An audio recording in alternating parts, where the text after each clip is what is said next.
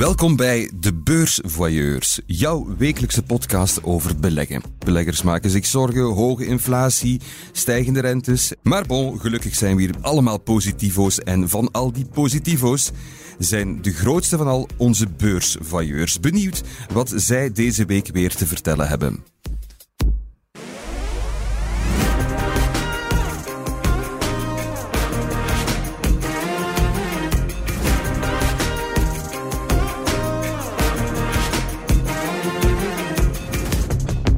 Elke week krijg ik het gezelschap van een bekende belegger en van twee beursvailleurs. Dat zijn deze week Geert Smet, redacteur bij De Belegger en de tijdjournalist Roland Legrand. Dag Roland, jij maakt je beursvailleurs debuut vandaag. Inderdaad. Hartelijk welkom.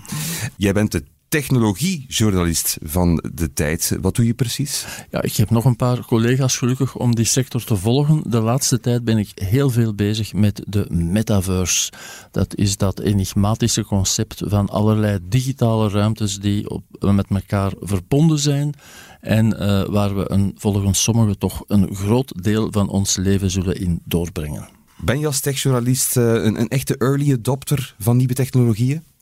Ik heb uh, ooit mijn, uh, mijn metaverse debuut gemaakt in Second Life. Dat, is, uh, dat was ergens in 2007. Toen bestond het alweer een tijdje. maar het was toch nog vrij early. En ik loop nu ook graag rond in andere virtuele plaatsen, zoals Decentraland of de, de Sandbox bekijk ik ook al eens, voor zover dat je daarin kan tenminste. Meestal niet dus. En ik heb ook een Quest 2 headset om mij in virtual reality te begeven. Mai, ik ben zo niet mee. Ik ga heel veel bijleren vandaag, Roland. Moest je, moest je destijds in, in Second Life al heel veel betalen voor, voor de juiste sneakers? Het, uh, de prijzen waren aanzienlijk en zijn nog altijd, want het bestaat nog altijd, een heel stuk lager dan in de blockchain-werelden. Ja, het is een beetje een metaverse van een Aldi eigenlijk dan. Wel, zoiets, maar het was toch ook wel een, een visionaire plek met uh, heel veel dingen die toen gebeurden, die uh, vandaag opnieuw lijken te gebeuren. Fijn, heel benieuwd. We, we daar gaan we het allemaal nog heel uitgebreid over hebben. Hartelijk welkom, Roland. Beste Geert, ondertussen al een oud bekende hier bij de Beursvailleurs. Welkom terug. Dag Thomas. Het zijn woelige tijden op de beurzen. Betekent dat ook dat dan die, die woeligheid ook echt voelbaar is op jullie redactie? Zijn de zenuwen daar gespannen? Voel je van, oké, die hangt een vreemde sfeer? Of is het soms zo, misschien ga ik heel ver nu, dat je denkt van, hoera, het kot staat in brand, want dan wordt het interessant natuurlijk. Natuurlijk, de voorbije maanden vonden we amper nog koopwaardige aandelen en dan geeft dat toch wel een teken aan de wand dat je toch wel uh, zit met een aantal uh, overwaarderingen. En nu, nu worden er af en toe wel eens, duiken er af en toe wel eens koopjes op. Tegelijkertijd hebben jullie ook allemaal een portefeuille. Dus je bent met het nieuws bezig, je bent met je job bezig. Maar in het achterhoofd denk je ook aan die rode cijfers die zich daar aan het opstapelen zijn in jouw persoonlijke beleggingsportefeuille? Wel, de beurzen zijn ongeveer een, tiental procent gedaald sinds begin dit jaar. En uh, ik doe maar iets beter. Dus niet overdreven veel, maar ik zit op min 6. Uh, maar ik, ik, ik trek het mij allemaal uh, niet aan. Ik weet dat je op de lange termijn wel meer rendement uh, puurt uit aandelenbeleggingen dan, dan uit obligaties of op een spaarboekje. Oké, welkom Geert. En elke week zit er ook een bekende beursvoyeur aan tafel. Iemand die we misschien niet meteen altijd linken met beleggen, maar daar toch een grote interesse voor heeft. En vandaag is dat Jo de Ridder, senior analyst bij onderzoeksbureau Metanomics. Dag Jo, hartelijk welkom. Hey, dag Thomas. En dag Roland en dag Geert. Jo, je was onlangs ook de gast in onze Start to Metaverse podcast hier bij de tijd. En dat verklaart misschien ook een beetje de naam van je onderzoeksbureau Metanomics. Wat doe je daar precies? Ja, ik zelf ben oprichter en uh, ook analist bij Metanomics. Metanomics zelf is eigenlijk een samentrekking van metaverse en economics. En dat geeft al een beetje een tipje van de sluier weg in die metaverse, wat Roland aanhaalde, een soort van 3D-laag over het internet om het dan te gaan beleven op een tal van, uh, tal van mogelijkheden. Daar gaan wij gaan kijken van hoe beleeft of hoe groeit die economie, wat zijn verschillende assets in die economie. En wij gaan eigenlijk bedrijven en investeringsfondsen gaan bijstaan om daar de juiste keuzes in te maken. Om te zorgen dat nog voor het er echt helemaal is, iedereen al overzicht en opportuniteiten kan zien en kan investeren en geld verdienen. Ja, voor investeringsfondsen is dat inderdaad opportuniteiten. Dat zijn groeimarkten. Hè. Het zijn moeilijkere, moeilijkere rodere cijfers, zoals dat, dat Geert aanhaalde. Maar in de toekomst kan dat keren en dan wil je wel mee zijn, wil je wel geïnvesteerd zijn in die nieuwe wereld. Uh, en voor bedrijven is dat ook heel vaak een onderdeel van hun leefwereld binnen drie tot vijf jaar. En zij willen wel weten, die directies willen ook wel weten van oké, waar gaat die wereld naartoe? Wat zijn nieuwe spanningsvelden die kunnen optreden? Hoe kunnen wij daarop anticiperen? Uh, maar het gros van onze tijd gaat voornamelijk vooral naar de investeringsfondsen. Metaverse, cryptocurrencies. Het is allemaal heel nieuw. Als je naar de, de podcast Start to Metaverse luistert, dan, dan hoor je, ja, dat daar gaat van alles gebeuren, maar tegelijkertijd is het nog heel abstract. Uh, is het allemaal nog wat, nog wat warrig? Heb je, heb je zelf het uh, gevoel van, ja, alsof je de, de final frontier nu aan het, aan het verkennen bent en aan het proberen uitleggen aan, aan onnozelaars als ik? ik denk dat we inderdaad allemaal de, de final frontier aan het ontdekken zijn. En vanuit een andere hoek. We gaan heel sterk vanuit die businesshoek ook gaan kijken naar die wereld. Mensen zoals Roland kijken heel sterk vanuit een technologiehoek. Mensen zoals Heert kijken heel sterk naar die marktbewegingen. Hè. Hoe heeft dat een impact op de economie? Hoe gaan die zaken evolueren? Uh, dus in Next Frontier zoeken wij op. Het is een volle ontwikkeling. Uh, zaken zoals Web3, de metaverse, we spreken die uit als uh, containerbegrippen bijna. Ja. Maar die zijn een volle ontwikkeling. En bepaalde bedrijven dat wij vandaag mee interageren hebben Web3-elementen of hebben metaverse-elementen. Maar ik zou nog niet zeggen dat uh, Web3 nog de metaverse al enige vorm van, uh, van maturiteit heeft bereikt. En in relatie met onze klanten noemen hen dan, om een maritieme metafoor te gebruiken, het moederschip, hè, een fonds of de organisatie. En dan zijn wij de hartjes op de speedboot die met uh, een klein tankje brandstof heel snel vooruit varen en kijken van waar zijn de eilanden waar er al kokosnoten hangen. Uh, of waar zit dan die ijsberg waar je voor moet opletten. Hè? Dus opportuniteiten of gevaren. Het kan één van de twee zijn. Uh, en het is eigenlijk dat dat wij proberen in kaart te brengen en, en terug te rapporteren aan het moederschip en zo waarde proberen te genereren voor, uh, voor onze klanten. Dat was een heel mooie metafoor. Als je het allemaal zo gaat uitleggen, ga ik het zelfs misschien ook snappen tegen het einde van de podcast. Hartelijk welkom. Jo, het is een... Ja, hoogtechnologisch panel beursvailleurs deze week, zoveel is duidelijk. Laten we dus maar meteen starten met onze terugblik op de voorbije week. De beursblik.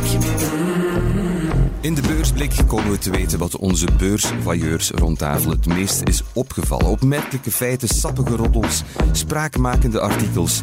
Heren, ik ben zeer, zeer benieuwd. En Roland, het is jouw eerste keer hier bij de beursvailleurs, dus jij mag de spits afbijten. Wat heb je voor ons meegebracht?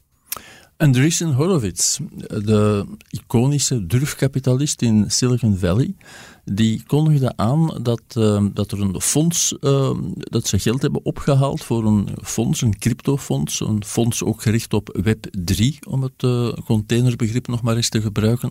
Ja. en het gaat over niet minder dan 4,5 miljard dollar. Wat Wat in deze tijden van doom en gloom vond ik dat toch wel heel opvallend. Zeker ook als je weet dat ze niet zo lang daarvoor ook al eens 600 miljoen dollar hadden opgehaald voor metaverse games. Maar Roland, wacht, hè. mijn eerste vraag lijkt me nogal voor de hand te liggen. Uh, eh, 4,5 miljard, is die man gek?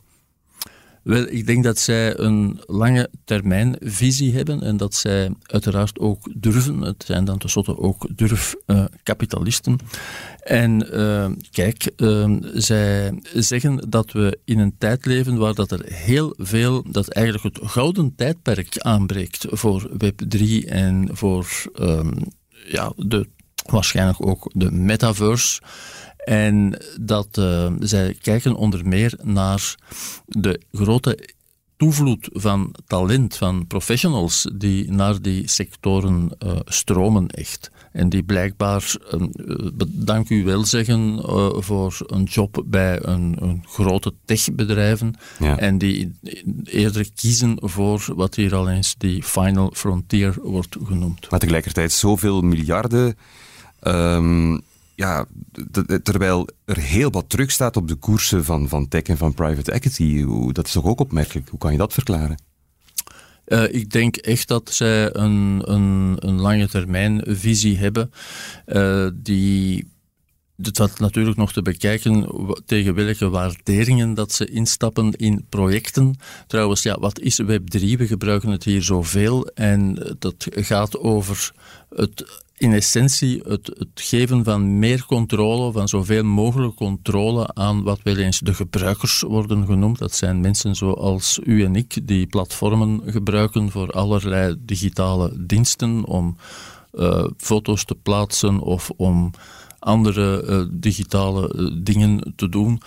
Ehm, met elkaar te converseren in sociale media en zo. Maar wat zij Web3 eigenlijk wil, is de controle over die data en over die platformen meer in handen van de gebruikers uh, te geven. Ja. En de eigendom ligt eindelijk dan eens bij jezelf en niet bij de Facebook en bij de Instagram. Ja, maar het probleem is dat uh, als er zo'n heel grote partij als Andreessen Horowitz instapt, dan is de kritiek, uh, bijvoorbeeld de kritiek die door Jack Dorsey, de medestichter van Twitter, wordt geuit van ja, maar die Web3 is helemaal niet zo gedecentraliseerd, die macht zit helemaal niet bij de gebruiker. De macht zit juist bij mensen zoals Andreessen Horowitz. Die zoveel investeert. Ja, want die krijgen dan ook heel veel tokens om in die projecten te stappen. En als je heel veel tokens hebt, dat is een beetje, niet altijd, maar vaak is dat zoals bij een, een bedrijf met aandelen. Als jij heel veel aandelen hebt, je bent een groot aandeelhouder, ja, dan heb je ook heel veel te vertellen. Ja. En dus ja, dat, dat uh, is toch een beetje een zaak dat we ook moeten in het achterhoofd houden. En op die manier kunnen zij misschien ook wel meer waarde genereren uit die veelbelovende projecten dan de gewone uh, ja, gebruiker, zal ik zeggen, die dan weliswaar ook iets te vertellen heeft, maar in verhouding toch wel veel minder. Geert, wil jou daar graag op inpikken? Ja, want ik, uh, die venture capitalist, die, wil, die stapt natuurlijk niet in voor de mooie ogen van die, van die bedrijven. Die stappen eigenlijk in om daar geld aan te verdienen. Mm. Dus, uh, en uiteindelijk moet daar uh, toch een soort van verdienmodel opkomen. Ik, de Web 3, oké, okay, het is meer in handen geven van gebruikers, dus meer herverdelen. Maar uiteindelijk moeten een aantal bedrijven daar toch grof geld aan gaan verdienen om die waarderingen te kunnen staven die ze vandaag hebben. Ja. En dat is altijd zo in economie en in beurs. Uh, uiteindelijk komt het erop neer dat je, dat je dan toch uh, wat geld uh, moet gaan verdienen. En uiteindelijk wordt dat dan geconcentreerd bij een aantal grotere. En vandaag zit dat bij de Facebooks en de Apples en de, de, de alfabets van deze wereld. Maar of dat, dat binnen tien jaar nog het geval gaat zijn, maar er kunnen misschien andere mastodonten uit gaan beginnen groeien. Jo, jij wilt daar graag op inpikken ook? Ja, ik wil er inderdaad graag op inpikken die twee meningen zijn, zijn helemaal correct en ik wil die ook bijtreden. En denk dat het ook belangrijk is om te zeggen dat om adoptie te ver, verwezenlijken, om adoptie te krijgen breder in de markt over de volgende jaren, is het ook heel belangrijk dat er veel organisaties fondsen hebben om te gaan testen, experimenteren, nieuwe zaken op te zetten. Om het ook allemaal gemakkelijker te, te maken voor de gebruiker, hè, want vaak is het nu nog vrij technologisch. En daarvoor moeten durfkapitalisten geld pompen in die markt om mhm. organisaties de kans te geven om dat te gaan bouwen, om marketing te doen, ook deels educatie rond die wereld, om de bredere bevolking ook mee te krijgen in wat dat wij dan denken als, als believers in, in, in die metaverse en in die Web3-wereld, die wel een heel aantal voordelen heeft. Anderzijds wil ik ook uh, uh, Roland bijtreden dat inderdaad de lange termijn belangrijk is. Wij werken met organisaties zoals Andreessen Horowitz, en zij proberen in te stappen vrij vroeg in een cyclus. En vaak is dat na seed wel, hè, omdat ze al iets wat het kaf van het koren willen scheiden, laten we zeggen Series A, Series B. Uh, en dan willen zij vroeg instappen om op drie tot vijf jaar daar winst uit te halen. En een liquiditeitsevent, is dat dan een overname, is dat dan een IPO? of een andere vorm van IPO en in Web3 met tokens gaan daar ook nieuwe modellen rond ontstaan. Uh, dus dat is voor hen heel belangrijk. En zelf al gaat de hype soms liggen. Zelfs al zitten we in rode cijfers, denken we van die markt gaat nu twee jaar even in, in de koelkast.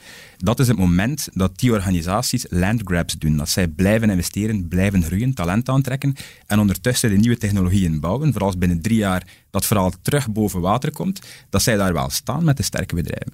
En zo was het ook bij platformen zoals OpenSea, uh, waar Andreessen Horowitz in geïnvesteerd heeft. Dat is een marktplaats voor NFT's.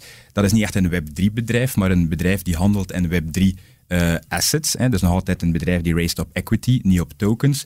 Dus zij gaan eigenlijk gaan kijken naar, oké, wat komt er aan? Maar zij moeten het, moeten het ook proberen te spotten jaren op voorhand. Hè. Mhm. Dus wij kunnen nu denken, die zijn hek 4,5 uh, miljard, zoveel jaar voor maturiteit. Maar zij moeten dat doen. Als ze binnen vijf jaar wakker schieten, dan is het voor hen te laat. Dan kunnen zij niet meer instappen aan goede valuaties. Boeiende tijden. Dat in elk geval uh, wel. En ja, Roland, als ik het zo beleefd mag uitdrukken, jij draait al een tijdje mee in de wereld van de techjournalistiek. Uh, roept het bij jou ook uh, die Web3, de blockchain, metaverse wereld af en toe lichte echo's op van de, de dotcom-bubbel de vroege jaren 2000? Zijn daar parallellen?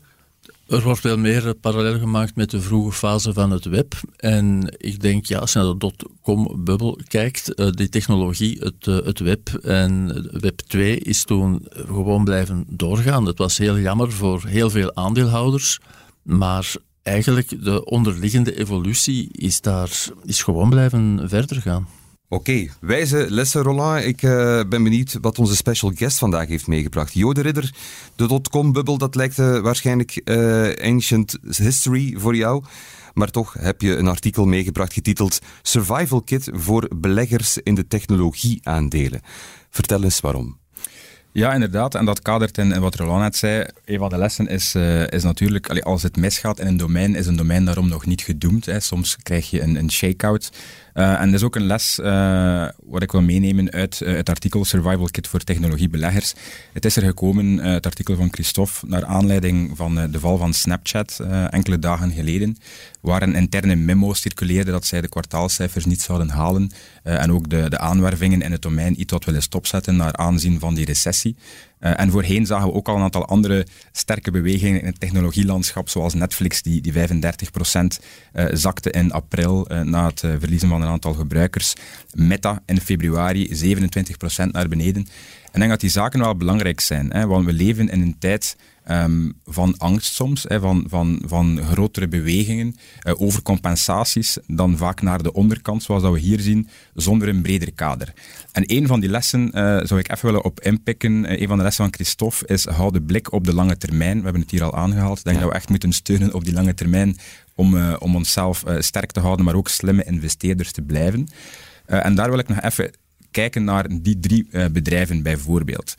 Um, dat zijn groeibedrijven, Web2 groeibedrijven, hè, die jaar na jaar grote groeicijfers in zowel gebruikers als advertentierevenue kunnen neerleggen, plus 25%, plus 30%.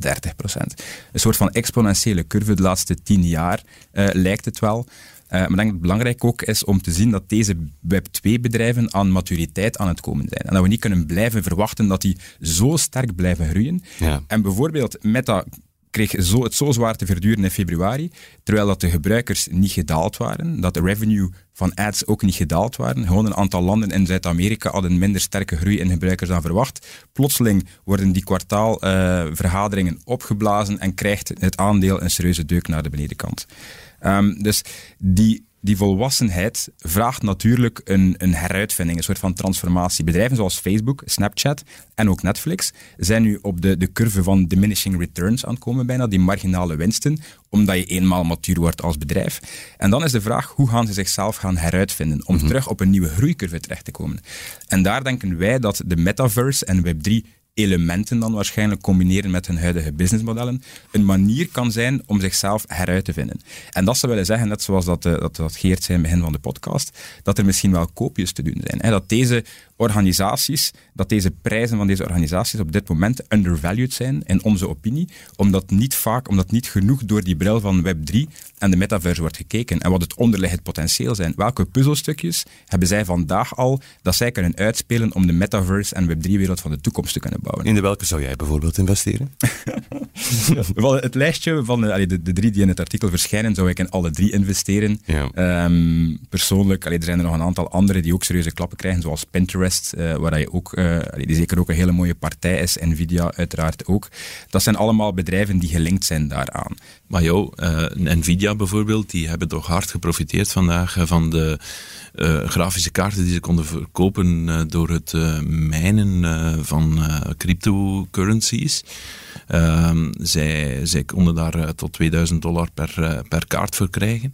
Vandaag de dag zien we dat die cryptocurrencies gaan overschakelen naar een, van een mijnstrategie, dus het mijnen van cryptocurrencies, naar een, een proof of stake. En dat wil zeggen dat je eigenlijk een, eh, een, een, moet bewijzen dat je een cryptocurrency uh, in eigendom hebt. En dan, dat er veel minder energie nodig heeft, maar ook veel minder eh, rekenkracht van, van uw computer. hoe ga je daarmee om in de, op de korte termijn toekomst? Ik weet, Nvidia speelt in op allerlei lange termijn trends zoals artificiële intelligentie en zelfrijdende wagens en zo, maar op korte termijn zou toch wel een, een soort van dip kunnen veroorzaken. Ja, dat kan zeker. En daar is die les van, van Christophe de Rijk uit het artikel denk ik heel belangrijk. Hou de blik op de lange termijn. Uh, dus ook hoe, dat wij ernaar kijken. En zoek ook naar opportuniteiten die dat je vandaag de dag misschien nog niet zo duidelijk ziet. Nvidia is eigenlijk een bedrijf die een hardwarebedrijf is. Denk uit de Genesis, uh, zeker. Um, en hetgeen dat je zegt over cryptocurrencies klopt, maar die AI-kracht, ze werken nu samen met Facebook ook en zijn AI-farms aan het bouwen om die rekenkracht er te krijgen, ook om die 3D-werelden te kunnen renderen, waar we hopelijk binnen een aantal jaar allemaal meer tijd gaan doorbrengen. Dus dat zijn wel groeivectors, denk ik, of vectoren die, die heel sterk kunnen zijn. Naast hardware, want zelf in ons onderzoek hebben we ook, relaties uh, bij Nvidia, zijn zij ook aan het kijken om een softwarebedrijf te worden. Zijn zij ook aan het kijken van kunnen wij zelf gaan renderen, gaan simuleren. Omniverse is daar een heel goed voorbeeld van. Die mensen zijn eigenlijk op zoek naar, kunnen wij een collaboratietool bouwen waar dat verschillende 3D-artiesten, designers, bedrijven op één case kunnen werken. Zo hebben ze een hele mooie case met BMW in Duitsland, waar ze een fabriek in 3D gaan omzetten. Dan bouwen ze een soort van digitale twin op Omniverse van die fabriek. En als die plantmanager zegt van kijk, ik ga deze, deze machine verplaatsen van hier naar daar, een aantal lijnen aanpassen in 3D, dan kan hij eigenlijk de werking, het proces laten simuleren. En de efficiëntie ervan. De efficiëntie, inderdaad. Wat is de tijdswinst? Wat is de winst in grondstoffen dat we kunnen, uh, kunnen doen als we andere machines implementeren? Dus het kunnen simuleren in een bedrijfscontext is iets waar dat Nvidia koploper in is. Dus als je door die bril kijkt naar die organisatie, denk ik inderdaad, ja, die chips, uh, nu goed gespeeld, korte tip op termijn. Maar als je dan kijkt naar simuleren softwarekant, of je kijkt naar de chipkant voor de headsets van de VR-brillen, voor de AI-farms dat ze gaan nodig hebben om die 3D-werelden te kunnen renderen, denk ik van, ja, dat kan toch geen slechte aankoop zijn vandaag aan die prijs. Alleen maar opportuniteiten, begrijp ik dan, Roland? Ik zou toch wel tot eh, enige voorzichtigheid willen oproepen, ondanks eh, mijn, mijn eigen enthousiasme ook. Zeker als ik naar Meta kijk. Um, ik, als je kijkt, natuurlijk, metaverse is veel meer dan VR. Maar het is, als je meta bezig hoort, een belangrijk element. Nu, als ik kijk naar de Quest 2, die bril waar ik het in het begin over had, uh, om in virtual reality rond te lopen, dan merk ik toch dat die, dat, ik zou dat bestempelen als een succesvol nicheproduct. Het is geen product dat uh, stormerhand de wereld aan het overnemen is. Ik denk dat ze er nog geen 10 miljoen uh, hebben uitstaan op dit moment. Nu, voor een bedrijf met, met een miljarden publiek is dat echt niet veel. Hm. Als ik kijk naar hun Horizon Worlds, waar dat je in Europa trouwens nog niet in kan, eh, dan ben ik daar ook niet geweldig onder de indruk van die avatars die er vrij cartoonesk uitzien en die bovendien geen benen hebben. Oei. Uh, uh, raar genoeg. Daar kan je geen dure schoenen voor kopen dan. Ja, raar genoeg. als ik kijk naar de toepassingen voor samenwerking op het werk, dan ja, ook dat is niet zo evident. Hè, om, om, als je met bedrijven spreekt die daarmee experimenteren, om mensen te onboorden bijvoorbeeld in VR, is er heel wat logistiek nodig uh, verloopt dat soms vrij moeizaam allemaal. Dus er zijn nog heel wat hindernissen te overwinnen. En ik denk dat er dikwijls sprake is van een termijn van 10 tot 15 jaar voordat je echt zo in een, in een nieuwe wereld bent waar dat je zegt van ja, nu is het internet wel echt fundamenteel helemaal anders geworden. En ondertussen moeten er wel voor, ja, in het geval van Meta dacht ik, een 10 miljard per jaar wordt er uh, in, in die projecten gepompt, waarvan dus helemaal nog niet zeker is dat dat echt zo'n enorm breedschalig succes gaat worden. Je, je, investeert op lange termijn. Dat is wel echt de bottom line, denk ik. Ja, klopt, inderdaad, op lange termijn. En, en je moet ook proberen te voelen van en, uh, tot hoeverre zijn deze bedrijven in staat zichzelf heruit te vinden. Het verhaal van Meta is heel mooi, zoals daar Roland zegt. Um, VR, zij, zij, gaan eigenlijk een stuk terug in start-up modus. Hè. Zij investeren heel veel van hun, hun winsten in R&D om die wereld te kunnen bouwen. En zij worden terug een start-up. Het is alsof je zelf terug zou kunnen investeren als Andreessen Horowitz in Meta of in Facebook 2.0. Maar je moet dan ook die staying power hebben. Hè. Andreessen Horowitz blijft ook vijf tot zeven jaar vaak in projecten. Maar dan heb je wel hele mooie returns. Dus de vraag is, uh, heb, je, heb je de, de stamina om dat vol te houden. Uh, als, je, als je daarop ja zegt, dan zijn er een aantal mooie opportuniteiten. Misschien ook voor de luisteraars. Het tipje van een aantal andere ehm, eh, onderzoeken dat wij aan het doen zijn op die assets, als je kijkt naar Snapchat bijvoorbeeld, zijn heel sterk in AR. Als Apple binnenkort uitkomt met een AR-bril, zijn het bedrijven zoals Snapchat, maar ook Pinterest. We hebben ook gesprekken met Pinterest. Voor hen is e-commerce belangrijk. Waar als zij willen kijken naar, kunnen wij producten op Pinterest in AR gaan weergeven en kunnen we die ook koopbaar maken. Mhm. En zo zijn uh, bedrijven zoals L'Oréal met Pinterest al aan het samenwerken om te kijken, kan ik die lippenstift projecteren op mijn lippen? Als ik die dan mooi vind, kan ik die ook meteen gaan bestellen via een Shopify-integratie Ja. en dergelijke. Dus Snapchat is ook zo'n bedrijf. AR, leuk, fun, gimmicky, we kennen allemaal de filters. Maar als je dit door een bril van, van, van metaverse bekijkt, op drie tot vijf jaar, zeven jaar, tien jaar, zoals daar Roland zegt, ik heb ook geen glazen bol, dat worden dan wel interessante spelers. Die hebben kaarten die ze kunnen leggen, die vandaag nog niet echt duidelijk zijn, Ja. maar binnen vijf jaar hele mooie kaarten zijn. Netflix zien we allemaal als een bedrijf die streaming faciliteert. We kijken allemaal graag films en series, en de Vlaamse nog het liefst. Maar zij gaan ook in gaming. Zij zijn ook aan het kijken naar, kunnen wij eh, spelletjes integreren in de apps? Heb je misschien zelf al gezien. Ze hebben ook een game developing organisatie overgenomen in maart. Ze zijn ook aan het experimenteren met een bepaalde serie, Love, Dead Robots, moet je zeker eens, eh, eens bekijken. Daar verstoppen ze NFT's via QR-codes in de serie. Als je aan het kijken bent, kan je daar scannen en registreren met je wallet. En dan heb je de NFT van die serie meteen in je wallet. Dus dat zijn, Ja. je voelt daar het start-up, de start-up mindset terug wakker worden van bedrijven die eigenlijk al tien jaar eh, gewoon in, in de roulantie aan het draaien zijn. Ja, het, lijkt- het, het gaat allemaal gebeuren zitten tussen de 3 à 5 en de 10 à 15 jaar. Dat, da- daar ergens tussen eh, gaat het allemaal gebeuren. Ik ben heel benieuwd, Geert, eh, waar, waar jij voor gekozen hebt voor de beursblik. Eh, misschien iets concreets? We kunnen altijd eh, in de metaverse eh, op restaurant gaan, maar uiteindelijk moeten we toch wel zelf eh, bij de bakker on- ons brood gaan kopen. En ik ga het hebben over die hoge graanprijzen, want dat gaat heel wat voedseltekorten veroorzaken en dat heeft te maken met de crisis in Oekraïne, hè, dus de oorlog in Oekraïne. Ons dagelijks brood, dat is, is iets heel concreets. Dat is goed. Wel ja, het is, dus door, door, de, door de oorlog in Oekraïne zit er heel wat eh, graan nog altijd eh, in die silo's vast. We zagen het op een reportage eh, op televisie. En ehm, ja, dat, dat gaat tot problemen leiden, want heel wat mensen in derde wereldlanden hebben dat graan nodig om te overleven. En eh, dat geraakt maar niet weg uit Oekraïne. Bovendien heeft Rusland al eh, laten weten dat hun graanschuren enkel zullen openstaan voor bevriende partners. Ja. Nu, bevriende partners, ja, dat is eh, de rest van het Westen, West-Europa en, en Noord-Amerika behoort daar niet meer tot die bevriende partners. Dus zal, zullen Afrikaanse landen moeten gaan, eigenlijk gaan smeken aan Rusland voor toch maar wat eten op de plank te krijgen. Ja, dat is niet meteen een vrolijk vooruitzicht natuurlijk. Eh, dat is dramatisch. Ja, en het komt erop neer dat eigenlijk eh, ons, eh, ons graan of de graanhandel in handen is van eigenlijk vier grote bedrijven. Die worden ook wel eens niet de big tech, maar de big food genoemd. En dat zijn dan vier bedrijven die ongeveer 90% van de graanhandel controleren in de wereld. En die machtsconcentratie is toch wel, is toch wel indrukwekkend. Wie zijn dat zoal?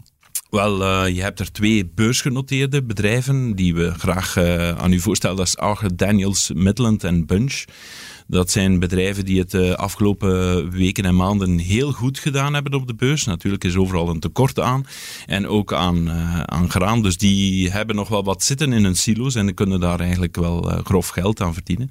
En dan heb je twee eh, private bedrijven. Dat is Dreyfus, het Franse Dreyfus. Dat ook in handen is van een Russische aandeelhouder. En, ehm, en Cargill. Cargill is eigenlijk de grootste onderneming eh, in, op dat vlak in de wereld. Maar dat is een bedrijf dat eh, zeer terughoudend is met het vrijgeven van informatie. Ze zeggen wel bijvoorbeeld dat ze niet meer samenwerken met Rusland vandaag de dag. Maar eigenlijk kan je dat eigenlijk niet controleren vandaag de dag. Toch een beetje, beetje eng dat bij, bij het allemaal bij zo'n grote speler zit, eh, wat, wat, ons, wat ons echt ons dagelijks brood betreft. Wel, de liberalisering en de economische groei heeft ervoor gezorgd dat de handel eh, wereldwijd vrij is. En eh, die bedrijven hebben daar de afgelopen tientallen eh, jaren, ze bestaan al sinds de 19e eeuw, ja, hebben daarop ingespeeld en hebben zich de, de macht eigenlijk bij hen geconcentreerd. En dat is toch wel een negatieve evolutie, zeker als je ziet dat er vandaag heel wat tekorten zijn in landen die het niet zo breed hebben. Ja. En hoe moeten we dat naar de beurs vertalen eigenlijk, Geert? Wel, als we dat vertalen naar de beurs, uh, kan je daar als belegger natuurlijk op inspelen door, door onder andere te beleggen in Arge, Daniels, Midland en, uh, en Bunch. Maar die bedrijven, af en toe komen die toch ook wel wat, wel wat tegen. Hè? Dus je hebt niet alles in controle. Hè? Dus er is vandaag een grote droogte in India, waardoor er veel oogsten mislukken. Ook in Frankrijk en in Noord-Amerika zijn de gronden niet bepaald beregend door, door natuurlijke bevloeiing. Ehm, maar uh, vandaag de dag is er dus uh, overal, uh, ja, wordt er gevreesd voor hier en daar het mislukken van een oogst, waardoor hun silo's op hun beurt ook niet, niet echt gaan gevuld geraken. Oké, okay, dankjewel Geert. Dan is het nu tijd om ons van onze meest barmachtige kant te laten zien, want we gaan een luisteraar helpen in de hulplijn. De hulplijn. En onze luisteraar van dienst is deze week Tom Husson, die ons belt uit Londen nog wel. Dag Tom. Hallo Tom. Hey. Wat doe je daar precies in Londen, Tom? Uh, wel, ik ben hier, uh, ik zit hier momenteel in een incubator, accelerator, uh, een, een Web3-startup uit de grond aan het trekken, als het ware. Oké, okay. kan je dat eens concreet maken? dat kan ik zeker proberen. Um, we zijn uh, aan het kijken naar wat er eigenlijk allemaal aan het, aan het, aan het gebeuren, uh, kan gebeuren rond de future of work, um, die Web3-enabled zou zijn. En dus daar zijn we nu eigenlijk vooral aan het kijken naar DAO's. En wacht, hoe dat we die wacht. eigenlijk... Dus we um, de future of work, web-enabled, en je bent aan het kijken. Kan, kan je het dus heel, heel erg vertalen voor een eenvoudige boerenpummel als ik? Daar ben ik heel erg aan het werken. Want we, zijn, we zijn natuurlijk uh, in, in de idea stage uh, vooral nu van alle verschillende dingen aan het, aan het um, proberen. Um, maar het komt erop neer dat we eigenlijk vooral community-powered economic opportunities willen unlocken. Dus, ja, ah, ja, ja, maar dat is veel duidelijker. Dat is echt heel veel duidelijker. En, en, en kan je dat in het ja, Nederlands echt, vertellen? We geloven dat communities, dat er totaal nieuwe manieren zijn om naar werk te gaan beginnen kijken. Want bijvoorbeeld hè, mensen waarmee dat je dagdagelijks samenwerken, uh, samenwerkt, kennen jou veel beter, weten veel beter uh, hoe dat jij bepaald werk kan doen. Ja. Uh, en dus er zijn, er zijn wat, wat informatie-asymmetrie in de manier waarop dat wij vandaag werk organiseren, die dat we kunnen wegwerken door eigenlijk... Um, Hey, bijvoorbeeld door NFT's te gaan issuen rond uh, jij die altijd um, um, een, een, perfecte teamplayer bent. Hè. Dus in plaats van gewoon op je LinkedIn te zetten van ik ben een teamplayer, heb je nu 50 mensen in de community die zeggen dat van effectief, je bent een teamplayer. En dat is dan nu verifiable. En dat is dan iets dat je dan van plaats naar plaats kan meepakken. Zeggen van kijk, er zijn eigenlijk 50 mensen die daarmee achter staan. Dat zijn bijvoorbeeld sommige van de ideeën waar, dat we, achter, waar dat we nu um, okay. mee aan het spelen zijn. Om, om eigenlijk Snap, snap ja, ik, ik, denk ik snap. Dus, dus, dus je, je, kan van alles op, op je LinkedIn zetten en er een heel mooi uh, fleurig geheel van, geheel van maken. Maar nu is het ook toetsbaar bij mensen die met jou gewerkt hebben en, en, en kan je het uh, op die manier verifiëren. Ja, exact. Okay. Dus zo kan je eigenlijk veel rapper aan meer interessante jobs voor jou komen. Interessant, heel, heel interessant. En, en, en wat is jouw vraag voor onze beursvoyeurs? Yes, dus mijn vraag gaat eigenlijk... Hè, dus ik ben zelf wat, in wat filosof, ah, filosofeermodus en dan moet je dat natuurlijk naar beneden brengen en dan gaat het rap over verdienmodellen. Ja. En um, mijn inzicht is, of, of mijn inzicht tot nu toe is dat Web3 businessmodellen echt wel uh, heel verschillend kunnen zijn van huidige beurs, uh, oh, allee, re redelijk klassieke beursbusinessmodellen. En dus mijn vraag is van hoe zien, hoe zien jullie eigenlijk de, de um, de beurs, of, of, of, het gegeven van de beurs evolueren, gegeven dat die, dat die verdienmodellen en het concept van, van uh, ownership totaal aan het, aan het veranderen zijn in, in, in redelijk belangrijke manieren. Als je wilt, kan ik dat nog concreter maken, maar is die, die vraag zo duidelijk? Ik, ik, vind het al relatief concreet natuurlijk. Het heeft te maken met, met, met uh, dat je op een andere manier dingen zal bezitten. En, en, en dat, dat daar ook wel op een of andere manier waarden en koersen gaan ontstaan. En ga, gaat de beurs dat voelen? Ga, eigenlijk vraag je, gaat de beurs blijven bestaan eh, met, met alle ongelooflijke ontwikkelingen die er komen zullen met de Web3 en met de metaverse? Is dat ongeveer zoiets? Exact. Wauw. Zo, okay. zo, zo mag je het samenvatten. Goed. Ik, ik, zie, ik zie Joel heel enthousiast glunderen om erop uh, in te pikken. Ja, hey dag Tom. Uh, heel fijne vraag. Hey, hey. Ook heel fijn wat je aan het uh, doen bent in Londen in de Accelerator. Klinkt, uh, klinkt heel interessant en zeker wat, wat nodig kan zijn voor de toekomst. Als ik je vraag samenvat, Web3 en de beurs, wat, wat is er op tel? Um, ik denk dat de beurs is een, is een soort van infrastructuur om de waarde van bedrijven te verhandelen. En je koopt een aandeel, een onderdeel van een organisatie, die kan je houden. En als dat bedrijf meer waard wordt, dan profiteer je daarvan mee. Of je kan die verkopen. Dus eigenlijk het verhandelen van eigendom in bedrijven.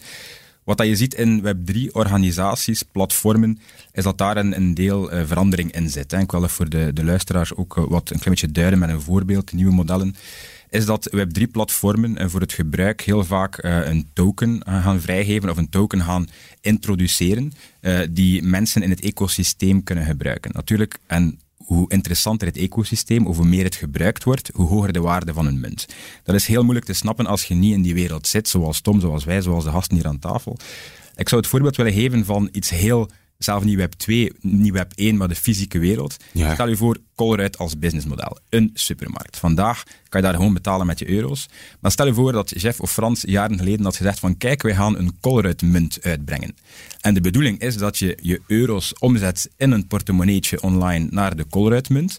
En aan de kassa kan je enkel betalen met de Colruyt munt als betalingsmiddel is dat heel duidelijk. Hè? Want dan zie je hoe meer mensen naar de Colruyt gaan, dan stijgt eigenlijk de market cap, de marktwaarde van de Colruyt-munt. En ben je dan bezitter, ah, dan gaat de waarde van je munt omhoog. Dat is één manier. Betaalmodellen binnen platformen aan de hand van tokens. Het interessante voor ons, uh, uit onze businessbril, is niet noodzakelijk de currencies ook, hè, maar zijn de voordelen, de perks of de utility dat we daar aanhangen. Stel je voor dat Frans en, en, uh, en andere mensen van de Colruyt hadden gezegd van kijk, ben je in het bezit van de Colruyt-munt, dan kan jij profiteren van de rode prijzen. Alle andere mensen niet, maar wel als je de Colruyt-munt, of als je met deze munt betaalt. Of we doen bepaalde acties met merken, en zoveel potten Nutella aan een bepaalde prijs, maar enkel voor houders van de Colruyt-munt. Je krijgt voorrang aan de kassa maar enkel met de Colruyt-munt.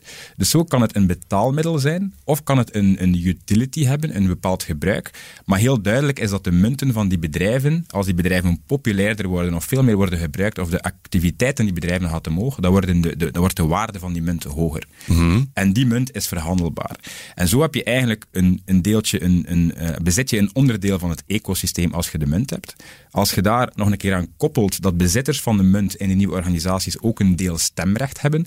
Als de Colruyt bijvoorbeeld zou zeggen, wij willen een winkel in Kruishoutem en alle uh, bezitters van de Colruyt munt mogen stemmen of we die winkel openen in Kruishoutem of niet, een bepaald stemrecht van het verder verloop van de organisatie, ja. dan heb je een stemrecht. Dus als je die twee samenlegt, een deeltje bezitten van een ecosysteem en mee profiteren als een bedrijf sterker wordt, dan bij de beurs. En stemrecht, dan heb je eigenlijk een aandeel. Dat is een nieuwe vorm ja. van equity.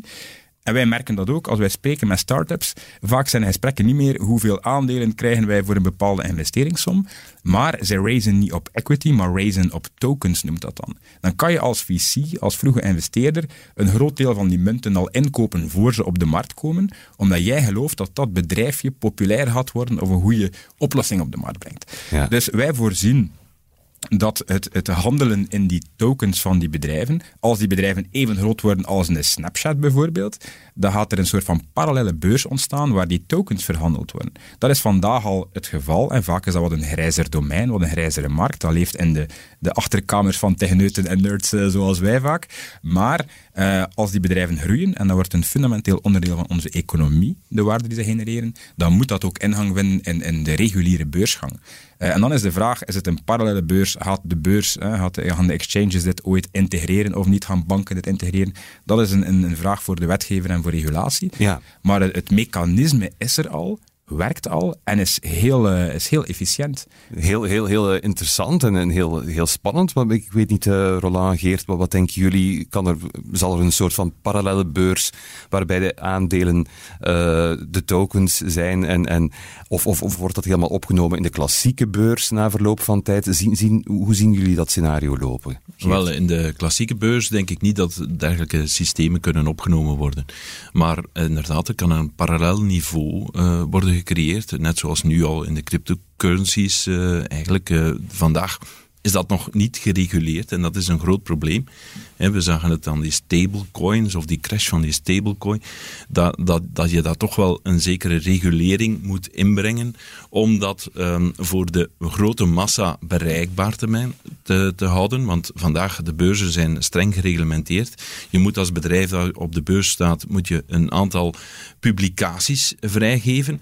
Uh, ik, uh, ik denk niet dat dat uh, ook al met die tokens, dat dat vandaag zo makkelijk te regelen valt, dat je, um, dat je een aantal dat je daar zelf een waarde kunt op gaan berekenen.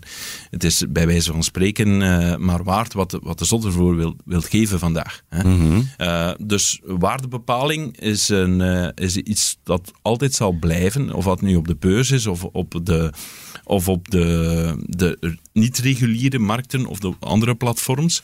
Je gaat er altijd een waarde moeten op kleven. En, en dat, is, dat is het probleem vandaag met die tokens. Welke waarde kleef je, kleef je erop? Is het succesvol? Is het, is het, uh, gaan er veel beleggers uh, of van veel investeerders naartoe? Ja, dan, dan zal die waarde toenemen. Ja. Maar dat heb je ook op de beurs. Als een bedrijf succesvol is op de beurs, dan gaan er heel veel investeerders daarin in, in, instappen. En dan ga je koersstijgingen krijgen. En ja, een beetje dat, dat hoor je heel vaak. Het is maar wat de zot ervoor wil geven. Maar eigenlijk kan je dat perfect ook over de beurs zeggen. Natuurlijk, uh, hoe, hoe, zie jij het evolueren? Evolueren? Ik denk niet dat het uh, helemaal zo is dat het uh, gelijkwillige waarde op de beurs uh, altijd goed is, zolang dat er iemand het wil betalen. Er zijn, er zijn modellen om te berekenen wat ongeveer een faire waarde is van een bedrijf. net zoals dat er ook manieren zijn om iets te zeggen over wat min of meer een redelijke range van prijs is voor een huis bijvoorbeeld. als ik mijn huis te koop stel en ik zeg van dit is 500 miljoen, dan gaat iedereen heel hard lachen. En terecht. Um, dus, maar bij tokens uh, mis ik op dit moment, maar misschien komt dat omdat ik het uh, niet ken, maar modellen, uh, theorieën om te bepalen van wat is nu ongeveer een redelijke range van waarde voor welke token en welke parameters moet je daarvoor gebruiken. Hmm. gebruiken. Dus dat is wel een, een issue, denk ik. En het tweede uh, dat ik zou willen zeggen is dat er een sp heel spectrum is als er hier beurs en dan die parallele niveaus. Uh, ik denk dat Web 2 en Web 3 ook in elkaar gaan overlopen. En ik vind het voorbeeld van Colruyt van, joh, heel mooi. Um, er staat niks in de weg dat Colruyt beurs genoteerd blijft.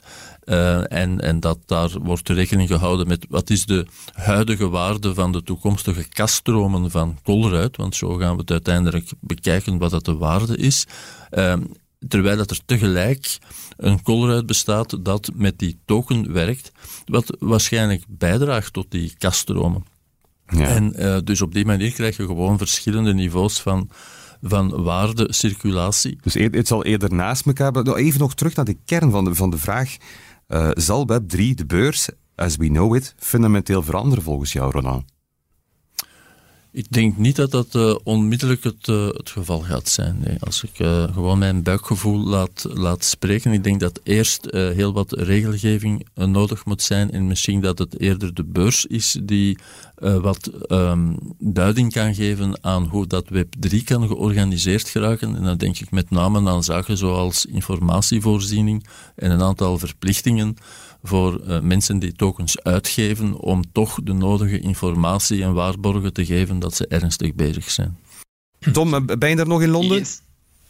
Yep, yep. Uh, heb je hier iets aan gehad? Is dit een antwoord op jouw vraag? Absoluut. Um, de, ik vind het interessant om te horen hoe dat er toch nog altijd met totaal verschillende ogen ergens toch wel naar gekeken wordt. Um, maar het, ja, nee, zeker, zeker, wel, uh, zeker wel interessante inzichten. Ja. Oké, okay. beste Tom, bedankt voor jouw heel interessante vraag. Je voelt het is het soort vraag waar we een podcastreeks aan kunnen wijden. Dat zal voor een andere keer zijn. Uh, maar erg bedankt en uh, veel succes daar nog in Londen. Alright, merci. Dag Tom. Ciao. Dag Tom. Zit je thuis zelf met een vraag voor onze voyeurs? Laat het dan vooral weten op podcast.tijd.be. En wie weet hang jij volgende week aan onze lijn.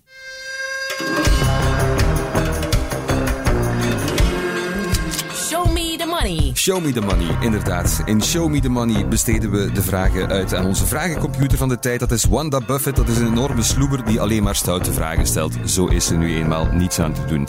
Tijd om eens dieper in die beleggingsportefeuille te duiken van jou, Jo.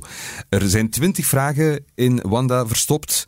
Aan jou een willekeurig cijfer te noemen, dan voer ik dat in in Wanda en dan komt daar een vraag uit. Wil je eens proberen? Ja, ik ga voor nummer drie. Nummer drie. Hoeveel geld zit er in je portefeuille? Ja, Wanda. Het is een, uh, een stoute pitou, dat weten we al en ze is duidelijk in haar meest voyeuristische bui vandaag. Het antwoord van Jo, dat hoor je zo meteen, na dit. Metaverse-expert Jo de is onze gast vandaag en samen met onze vragencomputer Wanda Buffett wandelen we door zijn beleggingen. En Wanda is er uh, meteen ingevlogen met een eerste vraag. Hoeveel geld zit er in je portefeuille, joh? Dat is een heel sloeberachtige vraag, dat moet ik toegeven. Maar ja, dat is nu eenmaal Wanda. Die stelt dat soort vragen. Het is voor ons ook altijd doorbijten. Maar ik ben wel heel benieuwd naar het antwoord natuurlijk. Nee, super, inderdaad. Uh, cheeky question, maar, uh, maar goede vraag. Um, om te zeggen hoeveel ik investeer, hoeveel in mijn portefeuille zit, denk dat voor mij, als ik erover nadenk, zoveel als ik kan missen. En dat is een hele belangrijke. Dat is natuurlijk voor veel mensen een, een breed definieerbaar begrip. En ik denk ook dat iedere belegger dat voor zichzelf moet uitmaken. Wat is voor mij een onderdeel dat ik maandelijks kan beleggen van het geld dat ik beschikbaar heb? Um, ik zeg altijd, allee, ik werk hard voor mijn geld, maar mijn geld mag ook wel eens werken voor mij. Uh, en, en dat is eigenlijk wat dat ik probeer te doen op maandelijkse basis in te stappen.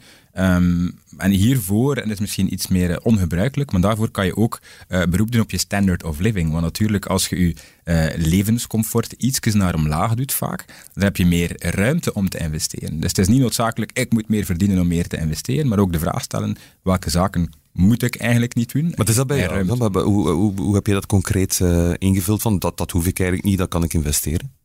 Ja, dat is een, uh, dat is, dat is een, het begint bij, bij de fundamentele zaken. Hè. Welk huis koop ik? Hè. Een moment is een keuze dat je maakt die impact heeft op de volgende 10 tot 15 jaar. Wel, als je daar een keuze maakt met een hele hoge lening, dan blokkeer je eigenlijk jezelf investeringsgewijs voor 10 tot 15 jaar. Tot je je volgend huis koopt waarschijnlijk. Dus het begint voor mij bij die fundamentele keuzes en daar na te denken op langere termijn opnieuw. Wat vind ik belangrijk? Uh, en daar moet natuurlijk je levenspartner ook in meegaan. Dus een hele goede communicatie ja. uh, met de mensen rondom jou zijn daarin ook fundamenteel. Goeie tip. Nog een uh, cijfertje proberen? Is benieuwd wat Wanda daar uitvloept. Ja, let's go. Ik ga voor uh, lucky number 7. Oké. Okay. Wie adviseert jou? Ja, joh, jij, jij adviseert altijd iedereen, maar wie adviseert jou? Ja, goede vraag. Ik praat inderdaad heel veel, uh, maar eigenlijk luister ik nog meer dan ik praat. Ik ben dagdagelijks in contact met uh, kleine bedrijfjes zoals die van Tom, of met Accelerator, of met investeringsfondsen of bedrijven. Dus daar krijg ik heel veel inspiratie. Uh, luisteren is zo belangrijk. Een kanaal om te luisteren is voor mij ook YouTube bijvoorbeeld. Oh ja? Ja, YouTube is, is heel interessant. Um, een van de kanalen die ik volg bijvoorbeeld is Millennial Money. Uh, ik denk ook voor onze luisteraars dat een goede mix tussen crypto, vastgoed en beleggingsadvies. Dat is een Amerikaans kanaal. Maar belangrijk is dat als je iets hoort, dat je zelf begint na te denken. En misschien zelf ook doen op een heel voorzichtige manier. Nog een cijfertje. Wat kies je, Jo? Ik zou voor uh, cijfertje 5 gaan. Wat is je meest recente belegging? Ja, e- eigenlijk, als ik erover nadenk, grappig, want niet echt representatief voor waar we over aan het spreken zijn. Uh, ik was vorige week op een beurs in, uh, in Minneapolis, uh, VCon, dat is een beurs over NFT's. En ik zat daar in het publiek te luisteren naar een hele jonge kerel, 19 jaar, hij noemt Fewocious. Hij is een artiest die een NFT-project heeft gelanceerd van abstracte kunst, heel kleurrijk. en die man kreeg de vraag, wat is voor jou community building in Web3? En die gast gaf zo inspirerend een antwoord van, kijk, wat ik doe is, ik heb inderdaad een digitaal uh, project, maar ik organiseer paint parties. En die gast heeft, heeft dus, hij huurt een loods af en mensen die de token bezitten van zijn kunst mogen afkomen en samen maken ze kunst een hele dag. En ik vond dat zo inspirerend. Hij had zoveel energie voor een 19-jarige dat ik eigenlijk in het publiek direct zijn kunstwerk heb gekocht. Of één van zijn kunstwerken. Wow. Dus dat was vorige week eigenlijk mijn uh, impulsieve, maar, uh, maar uh, laatste, laatste belegging. Fantastisch. En heb je het, kan je het vastpakken of is het een, uh, is het een NFT? Het is een NFT. Ja, ja, dat dacht ik nu wel. Goed. Nog een vraagje uit Wanda. Ik weet niet welk cijfer kies je nu? Ik zal een keer gaan voor 9.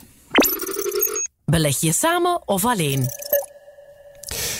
Um, De knop induwen doe ik uh, meestal alleen, uh, maar beleggen is eigenlijk ook het proces ervoor, het denkproces. Uh, en dat doe ik eigenlijk nooit alleen. Meningen zijn heel belangrijk. Het is voor ons onze dagdagelijkse taak om beleggingen te bediscussiëren, intern en ook met klanten. Dus daar heb je heel veel input.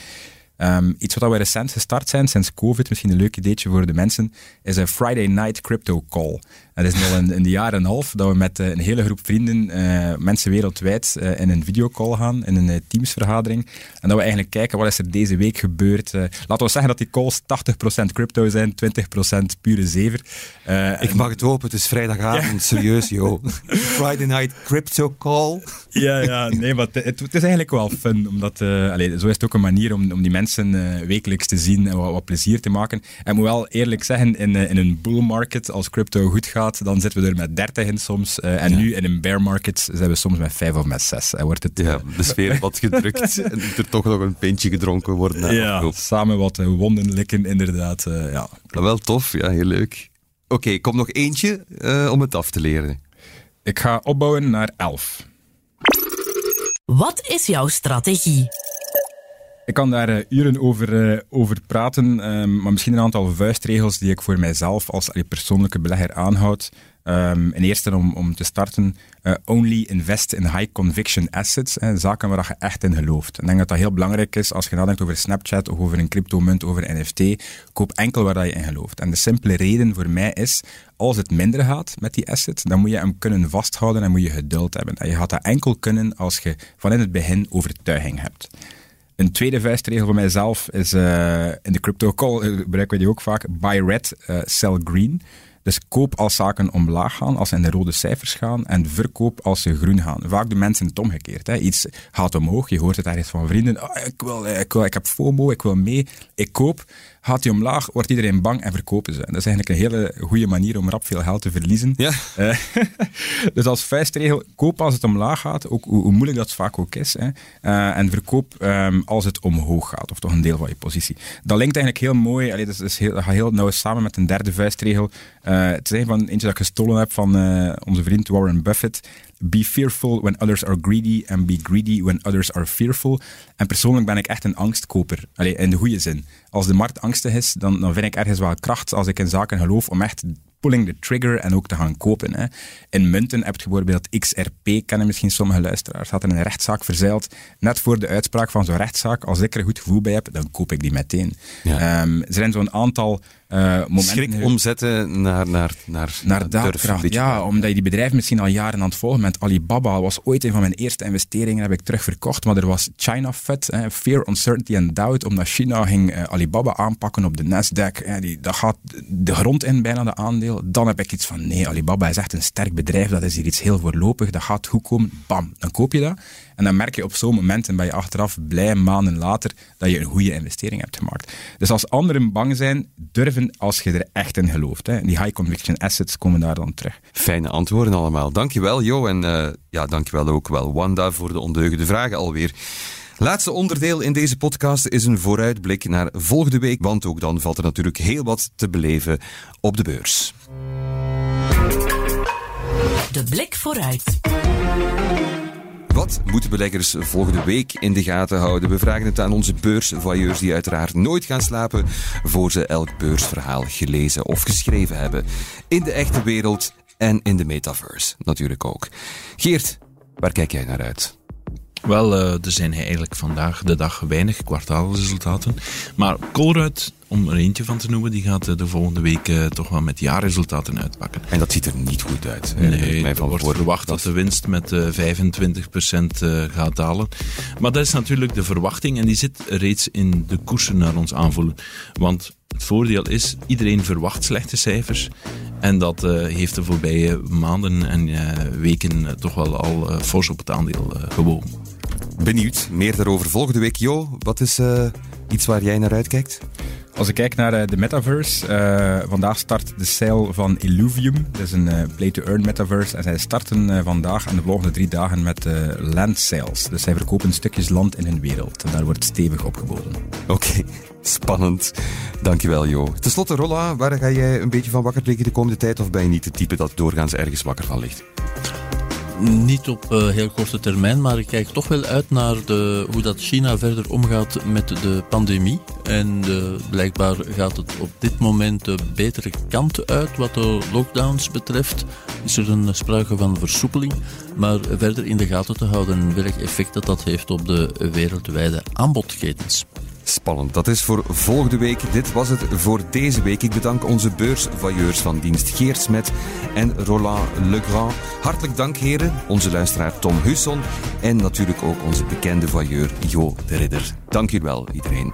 Volgende week zijn we er weer met frisse beursvailleurs. Een nieuwe bekende vailleur die nog niet zo heel veel kwijt wou, maar wel al het volgende. Graag tot volgende week.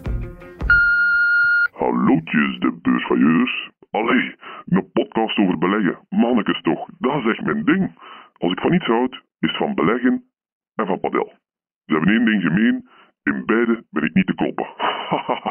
Allee, tot binnenkort hè. Dag!